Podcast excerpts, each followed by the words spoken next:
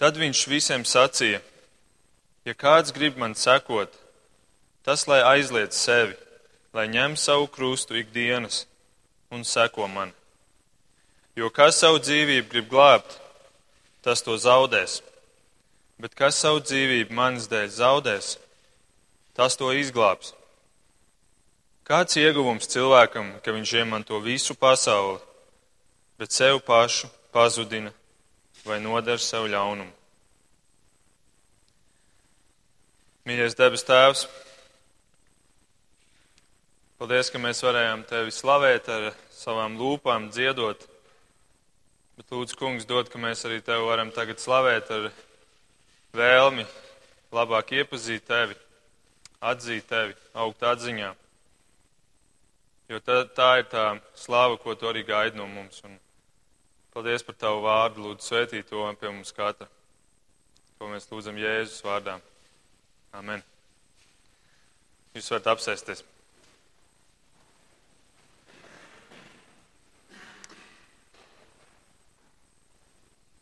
Kad Rojas Delamots bija kapelāns Pēņas koledžā ASV, tad viņš teica īsāko svētrunu šīs koledžas vēsturē. Viņam gan bija izvēlēts diezgan garš svētrunas nosaukums, kas skanēja apmēram šādi. Ko Kristus atbild mums, kad mēs viņam jautājam, Kungs, kas ir mans personīgais ieguvums no reliģijas? Viņa svētrunas pilnais saturs bija viens vārds - nekas. Viņš uzkāpa kancelē, pateica nekas un nokāpa lejā. Vēlāk viņš paskaidroja, ka šī viena vārda svētruna bija adresēta visiem tiem cilvēkiem, kuri bija uzauguši ar tā saucamo dod man, dod man evaņģēlī. Un kad viņš tika taujāts, cik ilgi viņam prasīja sagatavot šo svētrunu, tad viņš atbildēja 20 gadus. Man šodien būs mazliet garāka svētruna par šo vienu vārdu. Tomēr tēma būs līdzīga.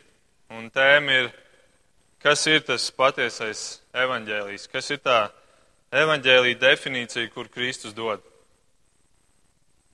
Jo šodienas teksts patiesībā ir atkal aicinājums nākt un sekot Kristum, nākt pie šī evaņģēlīja. Un, ziniet, šodien, šajā brīdī un šodienas laikā, šajā pasaulē pulcēsies tūkstošiem cilvēku, miljoniem cilvēku, tūkstošiem draudzēs. Un atskanēs šis aicinājums atkal un atkal. Aicinājums atsaukties evaņģēliem. Un tomēr ir jāatzīst, ka liela daļa no šiem aicinājumiem neatbildīs tam, ko Jēzus māca, kā ir jāaicina cilvēks pie evaņģēlī. Un šodienas tekstā Jēzus dod mums paraugu. Šis patiesībā ir Jēzus populārākais aicinājums. Tas ir minēts vismaz četras reizes evaņģēlijos, un pēc tam izklāstīts vēl dažādos veidos jaunās derības vēstulēs. Un tad apskatīsimies, kas ir šis aicinājums, kāds izskatās Kristus aicinājums nākt pie viņa un sekot viņam. Un mēs šeit redzēsim trīs soļus. Mēs redzam trīs daļas. Pirmā daļa ir aizliet sevi. Otrā daļa ir ņem savu krustu ikdienas, un trešā daļa ir seko man. Lūk, trīs sastāvdaļas. Bet, ziniet, cilvēki daudzi vēlās tikai to trešo daļu. Viņi vēlās sekot, jo tā ir tā pozitīvā daļa, kas sola aizvest uz mūžīgo godību, kas mani aizvedīs tur, kur es gribu nonākt bet viņi negrib šīs pirmās divas sastāvdaļas, jo, jo tās nesola nekādu ieguvumu man. Šie pirmie divi soļi ir diezgan smagi, diezgan sausi, ja tā var teikt. Aizliegt sevi, un ne tikai to, bet vēl arī uzņemties krustu ikdienas. Bet ir jābūt visām trim daļām. Un tikai tad, ja ir visas šīs trīs daļas, tad, tad mēs varam teikt, ka mēs sekojam tiešām Kristum patiesiem Kristum. Un daudz cilvēku tiek apmānīti, jo viņi seko tādam Kristum, kuru viņi ir paši izveidojuši sev. Un šis apmāns patiesībā nav nekas jauns. Tas pastāvēja jau Jēzus laikā. Un to atklāja šodienas raksturvietas, paralēlā raksturvieta Mārka 8, ko mēs lasījām ievadā. Šīs raksturvietas konteksts. Ļaujiet man atgriezties tajā vietā un, un vēlreiz atgādināt, ka Jēzus pirms šīs raksturvietas jautā viņiem, ko jūs sakāt, kas es esmu? Un viņa līderis Pēters atbild, tu esi Kristus. Tas nozīmē, tu esi Mesija. Lielais gaidāmais Mesija, par ko bija pravieši vecajā derībā pravietojuši. Un, un šī apziņa viņos radīja tādas nepamatotas gaidas, ka nu, šis Mesija ir ieradies un viņš tagad nodibinās šo valstību šeit pat Izrēlā. Šodien, šeit un tagad. Un ka divus gadus kopā ejot ar šo, šo mesiju, ka tagad viņš sāks valdīt pār šo tautu un viņš atbrīvos no Romas okupācijas un, un viņš sāks valdīt kā ķēniņš. Bet tad Jēzus turpina un viņš saka, ka viņiem ir jātiek priesteru un rakstu mācītāju atmestam un pat nonāvētam. Un tad Pēters pavelk šo Jēzu sāņus un, un norāja viņu. Citā paralēlā rakstvietā ir minēts, viņš saka, nē, tas nevar būt, tu kļūdies, Jēzu. Tas nevar būt. Un ko Jēzus viņam atbild? Viņš saka, atkāpies no manis sātana, jo tu nedomā pēc dieva, bet pēc cilvēka prāta. Un tikai tad seko šie vārdi šodienas tekstā. Jums ir jāizliet sevi, jums ir jāņem krusts cik dienas un jāsako man. Redziet, Pēters patiesībā neko citu neteica, kā to pašu. Es vēlos tikai to trešo daļu. Es vēlos to godību. Es vēlos tikai trešo soli. Bet Jēzus atbilde Pēterim ir, ka šī mācība, Pēter, izlaižot šos pirmos divus soļus, šī mācība ir sātaniska. Jā, tā ir pat sātaniska. Jēzus to tik skaidri pasaka. Vispirms ir jābūt ciešanām, un tikai pēc tam var nākt godība. Un redziet, cik svarīgi ir saprast un izprast to pareizi, jo nepilnīga evaņģēlīja izpratne ir, ir un var būt sātaniska. Apmāns. Tad nu aplūkosim šīs trīs daļas. Un pirmā ir aizliet sevi. Ko nozīmē aizliegt kādu? Varbūt jūs atceraties, pieminot to pašu Pēteri, kā viņš tajā liktenīgajā rītā aizliedz Jēzu trīs reizes. Ko viņš patiesībā izdarīja tajā rītā? Viņš trīs reizes pateica, ka viņš nepazīst Jēzu. Viņš trīs, tre, trīs reizes noliedza savu saistību ar Jēzu. Viņš pagrieza muguru viņam. Tad ko nozīmē aizliegt sevi? Tas nozīmē pateikt, ka es nepazīstu sevi ka es pagriežu muguru sev, ka es noliedzu saistību ar sevi. Bet kā tas ir iespējams? Tas ir iespējams tikai tad, ja pastāv divi cilvēki. To spēj izdarīt tikai cilvēks, kuram ir dubulta eksistence, ja tā var teikt. Tāds cilvēks, kuram ir jaunais es, kurš var noliegt savu veco es. Tā, tas ir cilvēks, kurš ir nomiris un kurš ir jaunpiedzimis jaunai eksistencei. Tā kā Jēzus to dienu teica Nikodēmam, ja kas nepiedzims no jauna, tas nespēja redzēt Dieva valstību. Jeb kā Pāvils rakstīja Korintas draudzē, tas, kas ir Kristū, ir jauns radījums. Viss vecais ir pagājis un redzi, viss ir tapis jauns. Tātad jauns cilvēks. Un aizliegt sevi pirmām kārtām nozīmē ļaut Kristum izglābt tevi no šī vecā cilvēka. Šī, šī vecā cilvēka, kas tu, kas tu esi. Bet viņš spēja izglābt tikai tos, kuri nav pilni pašmīlestības, kuri nemīl sevi. Kā slavenais evaņģēlis Dvaits Mūdīs ir teicis, Dievs nevienu nesūta prom tukšā, izņemot tos, kur ir pilni sevis. Tie, kuri mīl sevi, kuri uzticās paši savai gudrībai, kuri uzskata, ka viņi spēj paši atšķirt labu no ļauna, ka viņiem nav vajadzīgs dievs. Tie, kuri ir bagāti garā, viņu prāt, nevis garā nabagi. Un aizliegt sevi nozīmē aizliegt to cilvēku, kurš dzīvo šajā nolādētajā pašapmānā. Un tāpēc Jēzus aicina, nē, viņš pat pavēla aizliet sevi. Aizliet sevi, tas ir pirmais solis. Un viņš dod katram cilvēkam šo izvēli, tāpat kā to dienu Pēterim. Aizliegt sevi vai aizliegt Kristu.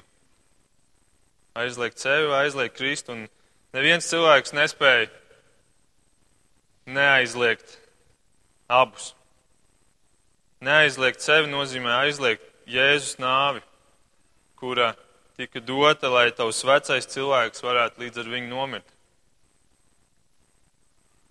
Kādā senā laikrakstā bija minēts šāds ieraksts. Ja tu ieskatītos Rembrandta gleznā, kurai nosaukums ir trīs krusti, tad tavu uzmanību vispirms pievērstu krusta centrā, uz kura Jēzus nomira.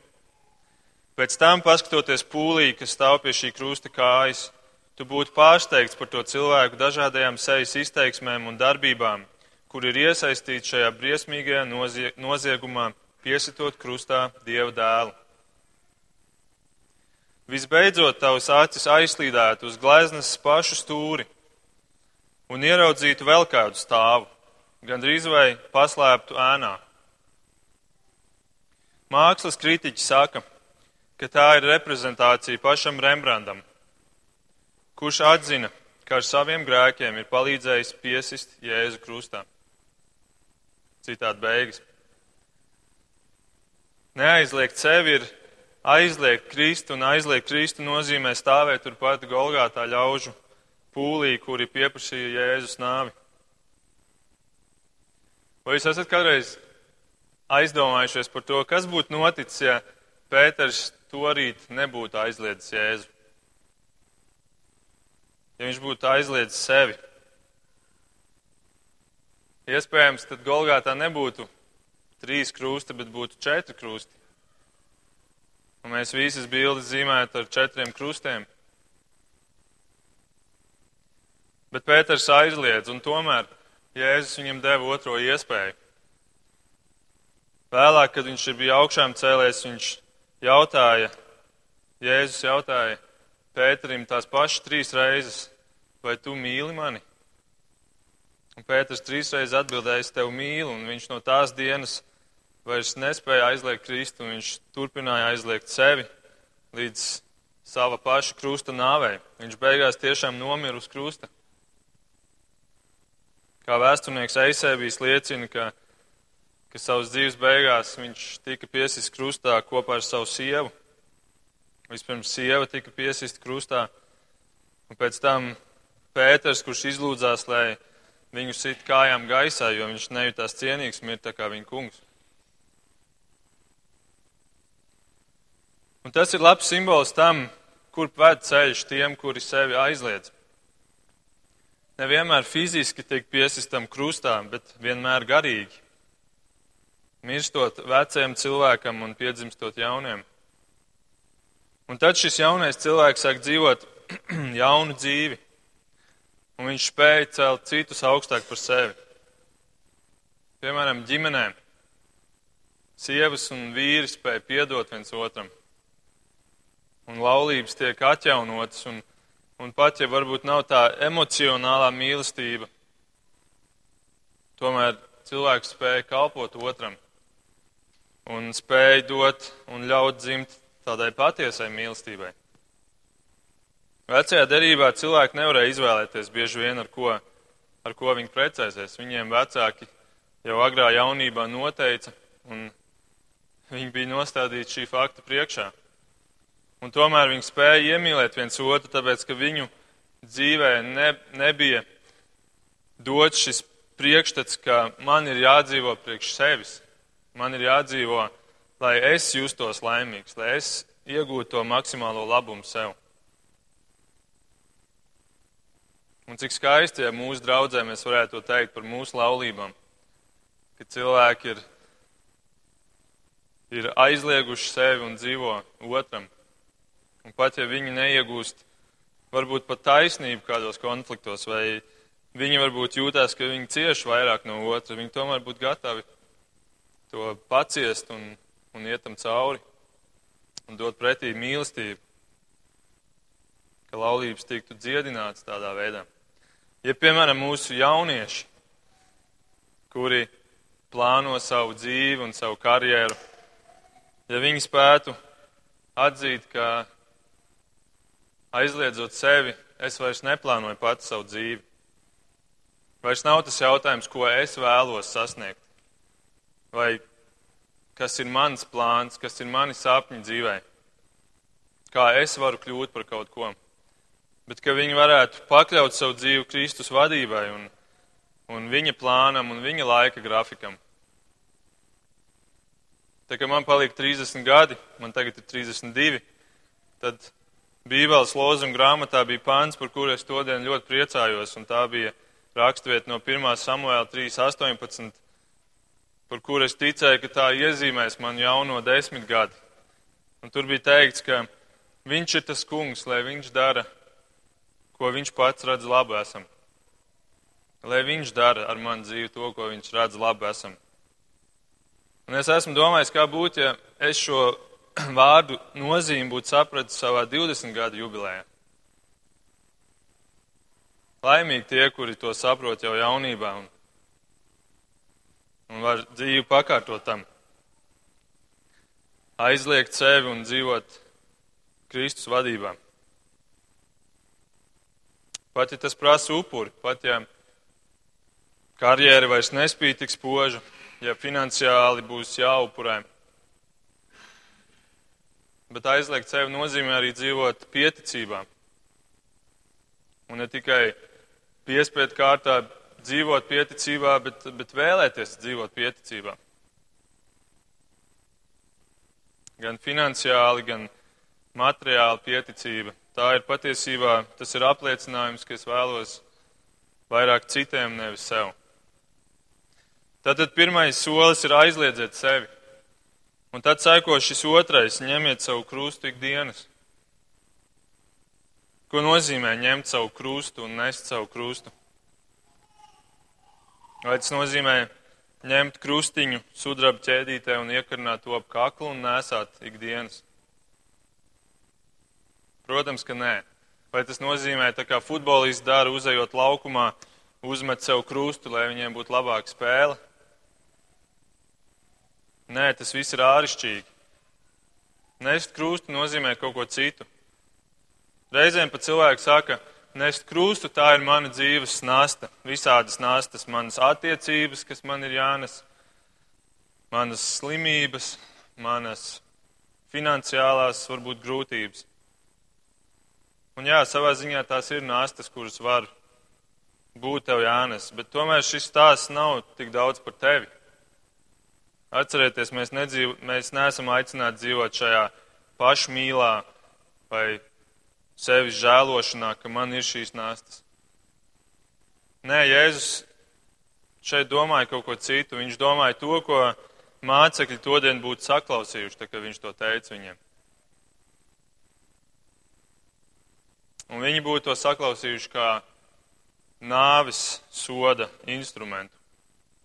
Todien Jēzus vēl nebija nomiris pie krusta, bet tomēr viņi ļoti labi saprata, ko nozīmē nest krustu. Viņi bija redzējuši to noteikti daudzas reizes turpat Izrēlā, kā romiešu karēvi soda cilvēkus ar nāvi, liekot vispirms nest savu krustu, savu nāves vietu. Un tad viņi tiek piesist, un viņi tika noziedznieki, tika piesisti krustā ceļmalās, lai lai tas būtu par brīdinājumu tautai, lai tā nesaceļās pret Romu. Kādā vēsturiskā pierakstā ir minēts, ka vienā reizē ap Jēzus laiku tika piesisti 3000 jūdi krustā, lai apturētu kādu sacelšanos no Romas puses. Viņi tika piesisti. Nu, lūk, un Pāvils raksta, es esmu krustā sists līdz ar Kristu, un citā vietā viņš saka, es mirstu ikdienas. Katru rītu es pieceļos un atvedos no sava vecā cilvēka, kurš, kurš ir uh, miris, kuru Kristus ir līdz ar krustu nāvi nogalinājis, un es izvēlos dzīvot kā jaunais cilvēks. Katru rītu es aproku veco cilvēku, lai var dzīvot mans jaunais cilvēks. Un jā, Dieva acīs mēs esam jauni cilvēki, mēs esam jauna radība. Bet mēs joprojām turpinām dzīvot šajā miesā, šajā fiziskajā pasaulē. Un, un šis vecais cilvēks grib atdzīvoties mūsu dzīvēm. Viņš grib atdzīvoties un viņš grib dzīvot to mūsu ikdienu. Viņš grib, ka mēs izpatīkam savai miesai. Un tā ir tā izvēle, kur mums katru dienu ir jāizvēlēs, vai es gribu dzīvot miesā vai garā. Un tas ir tas, ko Pāvils bija domājis, ka viņš saka, novelciet veco cilvēku. Novelciet veco cilvēku. Un visticamāk, viņš atsaucās uz arī vienu romiešu praksi, ka slepkavām, kuri bija nogalinājuši kādu cilvēku, viņiem tika piespriests nāvis sods, piesienot viņu noslapkavoto līķi pie muguras un ļaujot tam tur satrūdēt. Un dažu dienu laikā šis cilvēks pats burtiski tika sēsts un nomira. Un iespējams tā ir šī Pāvila metafora, ka netur šo veco cilvēku sev uz muguras, novelc viņu. Novelc un atbrīvo savu muguru, lai tu varētu tur uzlikt kaut ko citu. Krustu. Krustu. Un, un krusts ir tik nepopulāra tēma. Kristieši mēģinājuši to sagrozīt, mēģinājuši to padarīt simpātiskāku, patīkamākā gaismā mēģinājuši ievilkt. Un jau, jau simts gadus atpakaļ slavenais teologs Tozers ir teicis, vecais krusts nokāva cilvēkus, jaunais krusts tos izklaidē. Vecais krusts notiesāja, jaunais krusts uzjautrina. Vecais krusts iznīcināja paļaušanos uz miesu, jaunais krusts to iedrošina. Un simts gadus vēlāk mēs esam tajā pašā vietā un nekas daudz nav mainījies. Bieži vien krusts tiek gan pieminēts, bet tad, kad atskan aicinājums nākt pie Kristus, tad, tad tur krusts jau tiek nolikts malā un, un dien dienā viņu nest. Nē. Un tad kristiešu tāds status tiek dots kā tāds papildinājums manam esošajam dzīvesveidam, vai kā risinājums manām dzīves problēmām, vai kā apsolījums svētībām man, un tad viss ir ap mani. Man, man, man. Bet tas nav tas evaņģēlijs, vai ne? Tas ir pavisam cits evaņģēlijs. Tas ir evaņģēlijs, kur es esmu dzīves centrā un kur Kristus bez maz vai kalpo man. Es esmu tas kungs un viņš ir mans kalps. Nevis, nevis otrādi, kā tam vajadzētu būt, ka es esmu viņa kalps.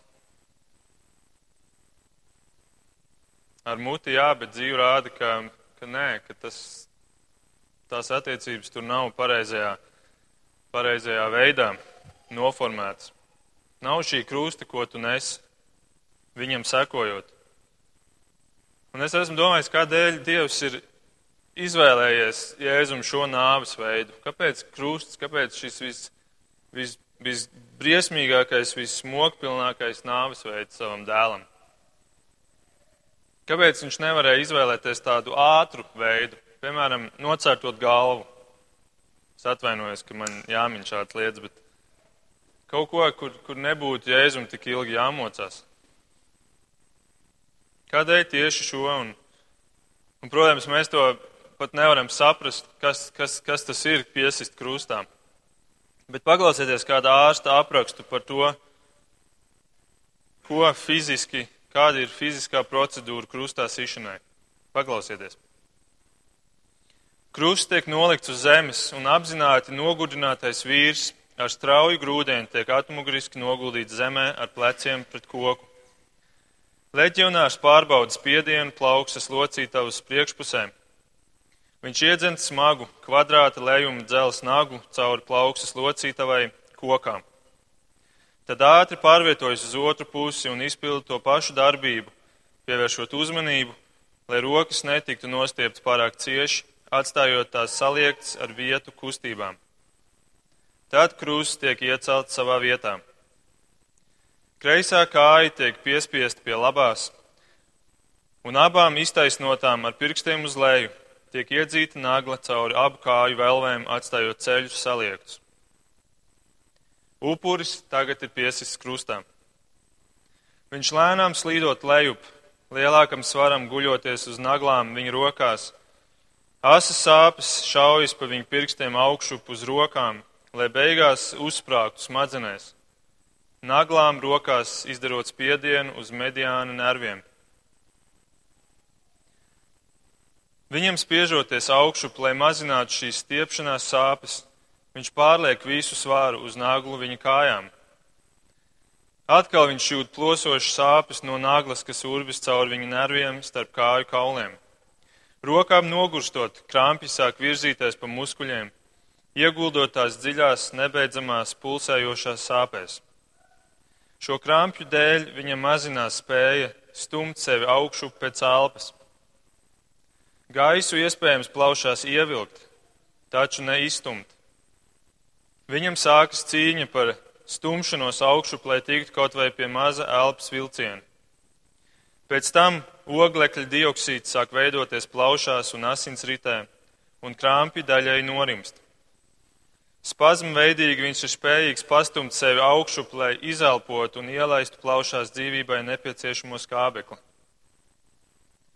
Stundām ilgi turpinās šīs mokas, vīšanas cikli, locītavu plosoši krampji, saraustīta smakšana un āsa sāpes.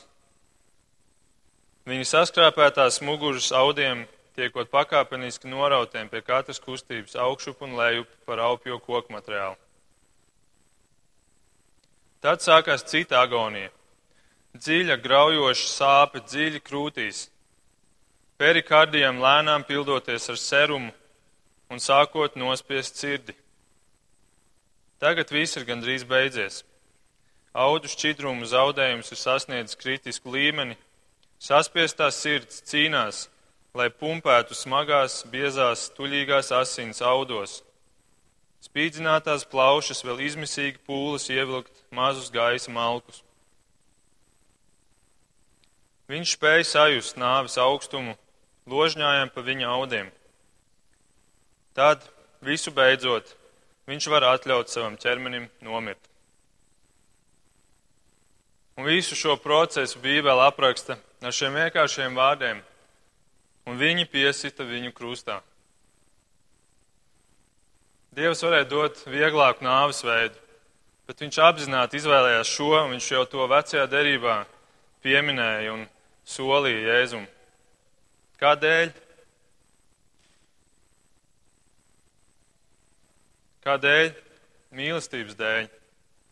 Lai mēs varētu būt droši, ka kāds ir izcietis vissmagākās smokas mūsu dēļ. Un, un šīm fiziskajām sāpēm klāt vēl nāca visas tās garīgās, tas grēka rūkums, kuru Kristus iepriekš nekad nebija pazinis. Mēs varam teikt, manas sāpes, ko es ciešu viņa dēļ, viņš, viņš viņas pazīst. Tādēļ viņš ir līdzjūtīgs un saprotošs kungs. Un, un vēl viens iemesls, kādēļ šis krūzes bija nepieciešams, lai tu zinātu, ka sekot viņam būs sāpīgi. Tas būs sāpīgi. Būs sāpīgi Tādēļ, ka būs jādzīvo pieticībā, būs sāpīgi, būs sāpes no kalpošanas citiem, no vajāšanām varbūt, no garīgām cīņām, aizstāvot šo Kristus vēsti no maldiem. Tas viss ir sāpīgi. Nest krustu ir sāpīgi, bet Bet šis Jēzus piemērs parāda, ka mēs tam būsim gatavi, jo mūsu kungs jau to ir izdarījis mūsu vietā. Viņš ir parādījis priekšzīmu un viņš mums neļaus iet cauri kaut kam, kas ir smagāks par to, ko mēs spējam panest. Un tomēr šī krusta nešana nav tikai tāda sāpīga, smaga lieta mūsu dzīvē. Nē, tā ved priekā. Tā ved augstumos, kuros mēs nekad nenāktu, ja mēs neietam cauri. Kas, ir, kas gan ir vēl lielāks prieks, kā iet sekot Kristum pa tām pašām pēdām, pa kurām viņš iet? Sekot Kristum šajā rakstvietā, tas vārds sekot, grieķu valodā nozīmē imitēt. Viņš patiesībā saka, nāciet un imitējiet mani. Un mēs to darām, mēs nesam krustu. Un, un viņš teica, ka, ka mana nasta, ko es jums došu, tā būs viegla, un mans jūgs būs patīkams. Un to spēja tikai saprast cilvēks, kurš nevis skatās no malas uz cilvēkiem, kuri nes šos krustus, bet kurš pats pamēģina to izdarīt, kurš pats ņem šo krustu un neskatoties atpakaļ, dodas pakaļ Kristum. Samuels Rutherfords ir ļoti skaisti šo domu izteicis. Viņš teica, krusts ir tāda pati nasta, kā būras ir nasta kuģim un kā spārni ir nasta putnam. Jā, tev šī nasta ir jānes, bet tā ir liela svētība tev. Jo tu zini, ka tu ej pa to ceļu, pa kuru iet tavs kungs. Un man ir žēl tos cilvēkus, kuri seko Kristum, bet kuri nekad nav gājuši cauri šiem diviem soļiem, jo tas ir pašapmāns. Tas ir Jēzus, kuru tu gribi tikai izmantot kā savu kalpu savām pašu vēlmēm un savai pašu mīlestībai. Un visbeidzot, trešais, sekojiet man. Kādi teikuši, ka šie trīs soļi ir, kā, ir salīdzināmi ar ceļošanu? Kad tu dodies ceļojumā, tu vispirms atvadies no taviem tuviniekiem, pēc tam tu ņem somu, un tad tu dodies ceļā. Un šeit ir tā pati, tu vispirms pasaki tā savam vecajam cilvēkam, turpat pie viņa kapakmens, un tad tu ņem rokās šo krustu Un tad Jēzus saka, dosimies, seko man. Un tu viņam seko kā kungam. Viņš tev ir kungs.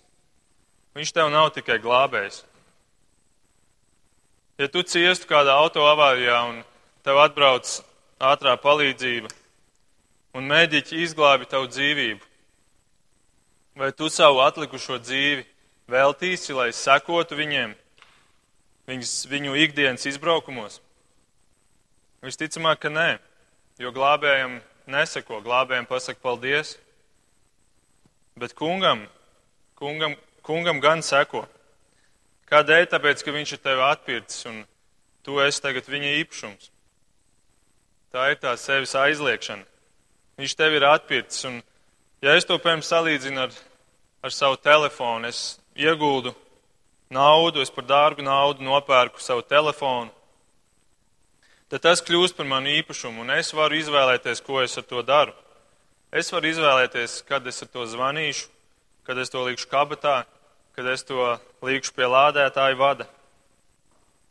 Telefons dzīvo man, nevis es viņam. Un tomēr jūs jau kādu esat sadzirdējuši šo retoriku, šo ironiju, ka, ka reizē mēs zinām, ka cilvēki sāk dzīvot saviem telefoniem, ne? Reizē mēs paši sākam dzīvot, un tad kļūst aktuāls jautājums, tad kurš ir kura kalps? Telefons kļūst par manu kungu, un tāpat tās var būt daudz citas lietas dzīvē.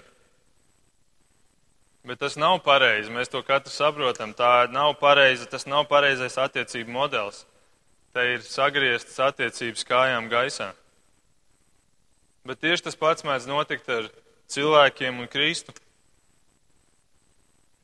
Mēs saucam sevi par kristiešiem, un tas vārds grieķu valodā kristietis patiesībā nozīmē vienkārši mazais Kristus. Mēs esam mazie kristi, ka mazie kristi sauc sevi par kristiešiem, bet izrādās, ka viņi ir padarījuši Kristu par mazo un paši ir lielie. Bet tā notiek ar tiem cilvēkiem, kuri lēč šajā trešajā solī un kuri neizprot, ko nozīmē sekot viņam. Ka viņi izlaiž šos pirmos divus soļus. Un viņi nesako Jēzum, viņi sako kaut kam citam, bet ne Jēzum. Un tomēr viņi kādu dienu sanāks Viņiem sanāks sastapties ar šo patieso jēzu, tāpat kā visiem. Bet tad viņš viņiem atteiks, es jūs nepazīstu. Es jūs nekad neesmu pazinis. Un tas ir tas jautājums, ko mēs katrs varam šodien sev uzdot. Kādēļ es sekoju Jēzum? Kādēļ es sekoju Jēzum? Vai tie iemesli, kurus es tagad sev varu uzskaitīt, vai tie visi ir par mani? Es jau esmu teicis, ja nebūtu ēles, ja mēs zinātu, ka nav šāda vieta, debesis un ēle, bet ir tikai viena vieta, vai es sekotu viņam, vai es turpinātu nest to krustu, vai es turpinātu savu dzīvi dzīvot viņam, pakārtot viņa vadībai, jo viņš ir mans kungs. Un es ticu, ka šie divi pirmie soļi šajā Jēzus aicinājumā, kur viņš atkal un atkal deva cilvēkiem, ka tie tieši tādēļ tur iekļaut, lai mēs varētu atbildēt sev uz šo jautājumu. Vai es sekoju viņam? Nu, lūk, un Jēzus dod šīs trīs pavēles. Aizliet sevi, ņem savu krūstu ikdienas un seko man. Un tos, kuri seko, tos viņš aizved uz tēva mājām tiem, kuri tiešām iet viņam līdzi. Bet Jēzus dod arī brīdinājumu pārējiem, kuri izvēlās to nedarīt, kuri negrib aizliegt sevi, kuri grib saglabāt savu dzīvi sev pašiem. Un tas ir pateikts 24. pantā, ka savu dzīvi grib glābt, tas to zaudēs. Bet kas savu dzīvību zaudēs manis dēļ, tas to izglābs. Un te nav runas par dzīvības zaudēšanu jebkuram cēlējam mērķim, patriotismam vai labdarībai, vai pat nomirstot cita cilvēka dēļ. Te ir teikts, manis dēļ zaudēs. Manis dēļ. Un 25. pantā Jēzus vēl piemet retorisku jautājumu. Kāds ieguvums ir cilvēkam, ka viņš iemanto visu pasauli, bet, bet sev pašu pazudina? Kāds ieguvums? Tev šķiet, ka sevi aizliegt ir neizdevīgs darījums? Nē, pasties, šis ir neizdevīgs darījums. Iegūt visu laicīgo, bet zaudēt mūžību. Kā tas bagātais vīrs, kurš krāja sev labību šķūņos, bet nākamajā naktī no viņa tika atprasīta dvēsele. Kādā tūredzīgā ilūzijā dzīvo tas cilvēks, kurš kurš redz tikai laicīgo un neredz mūžīgo, kuram krusts ir tukša vieta. Kā Osvalds Čembers ir teicis, visas debesis ir ieinteresētas Kristus krustā. Visa elle baidās no Kristus krusta. Kamēr cilvēki ir vienīgā radība, kurai tas vairāk vai mazāk ir vienaldzīgs. Šodien mēs iesim pie vakarēdiena. Un, un te nāks cilvēki, kuri nesīs šo krustu sev uz muguras. Ja mēs varētu ar garīgām acīm redzēt, mēs varētu teikt, cik labi, ka tas gaitenis te ir tik plats, jo te ir vieta cilvēkam ar savu krustu. Bet pirms mēs nākam, uzdosim katrs sev šo jautājumu, vai tas, ko es nesu sev uz muguras, ir, ir krusts, ir mans krusts. Vai varbūt tas ir mans vecais cilvēks, kur es sev stiepju līdzi? Kurš man ir svarīgāks nekā dzīve Kristum? Bet zinu, ka pie šī galda nav vietas veciem cilvēkam. Pie Kristus galda ir vieta tikai jauniem cilvēkam.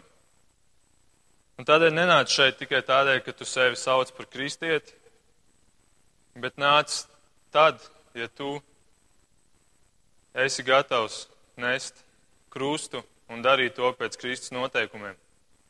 Tikai tad tu esi kristietis, mazais Kristus, Kristus imitētājs, Kristus sekotājs. Un varbūt tā ir kādam izvēle, kas ir jāizdara šodien. Varbūt tā ir izvēle, kas ir jāizdara šodien. Un ļaujiet man noslēgt ar Čārlis Pērģena vārdiem. Nav kroņa nesēju debesīs, kas nebūtu bijuši krusta nesēji šeit uz zemes. Nav kroņa nesēju debesīs, kur nebūtu bijuši krusta nesēji šeit uz zemes. Lai debes Tēvs svētī mūsu to. Lūksim.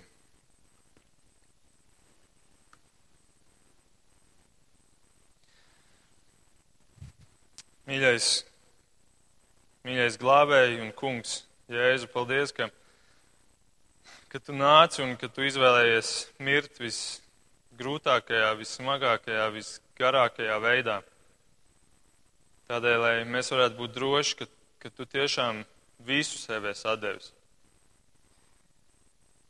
Tu neatnāc tikai, lai izpildītu šo noteikumu, bet tu to izdarīji ar vislielāko, ar vislielākajām rūpēm par mums. Un paldies, ka tu ne tikai atnāc kā tāds glābējs un izglābi mūs, un tagad neesi pieejams, bet ka tu mums ej pa priekšu, ka tu aicini mums sekot tev, lai, lai mēs varam atrast tēvu mājas.